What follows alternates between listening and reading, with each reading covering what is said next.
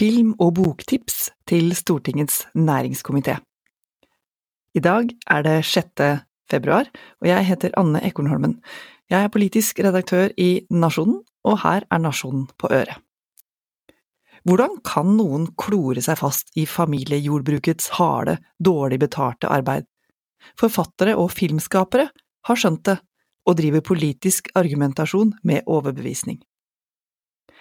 Sveigård sa noe som kunne ha vært fra Bibelen, men som var sagt av ei krokete gardkjerring, skriver Lars Mytting i romanen Skråpånatta. på natta.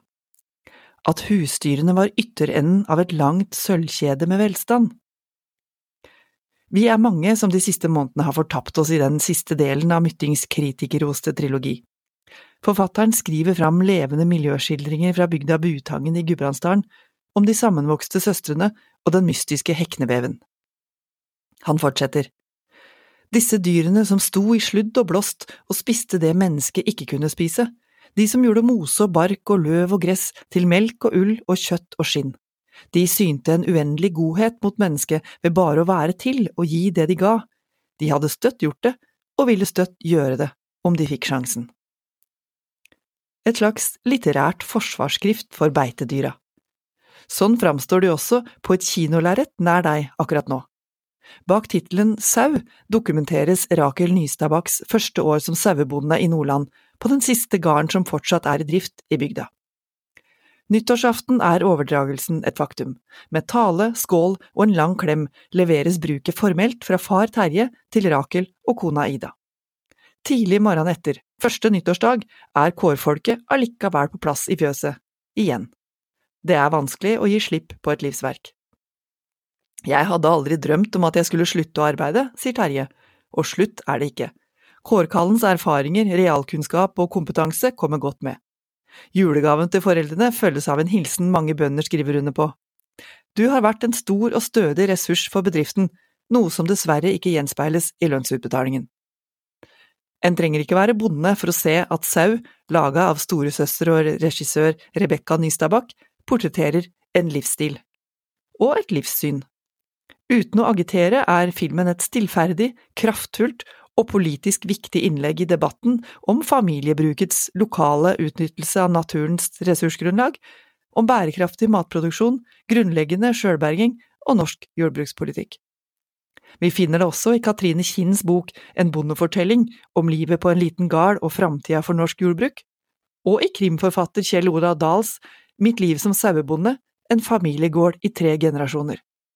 To ferske bøker med personlige fortellinger om livet med, av og for dyra. Vi finner det hos den engelske sauebonden James Rebanks, i Agnes Ravatns bok Været er en skandale, ei lita bok om livet på landet, og hos Siri Helle i boka Trollefossvegen 23, Tilbake til heimbygda. Blant andre.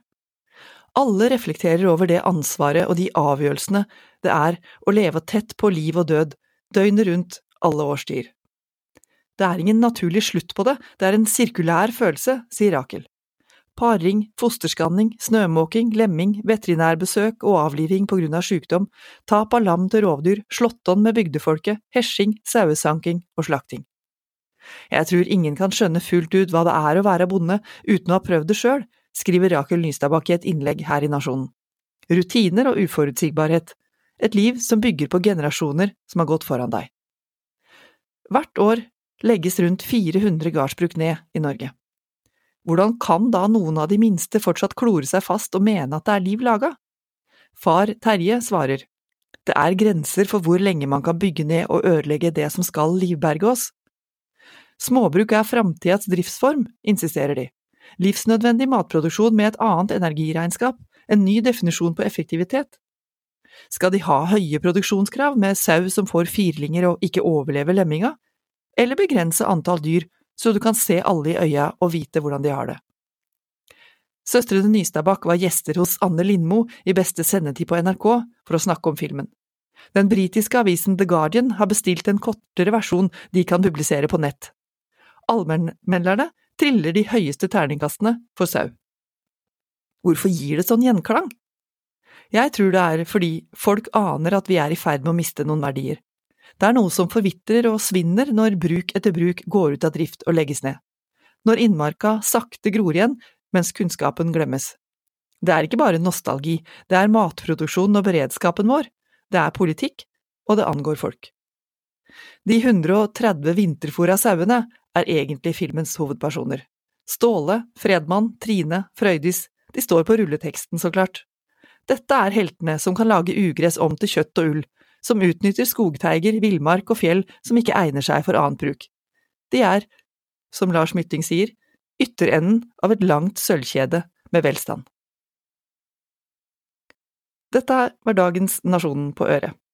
Du hører flere kommentarer på fronten av nasjonen.no, og der du finner dine andre podkaster. Ha en god dag!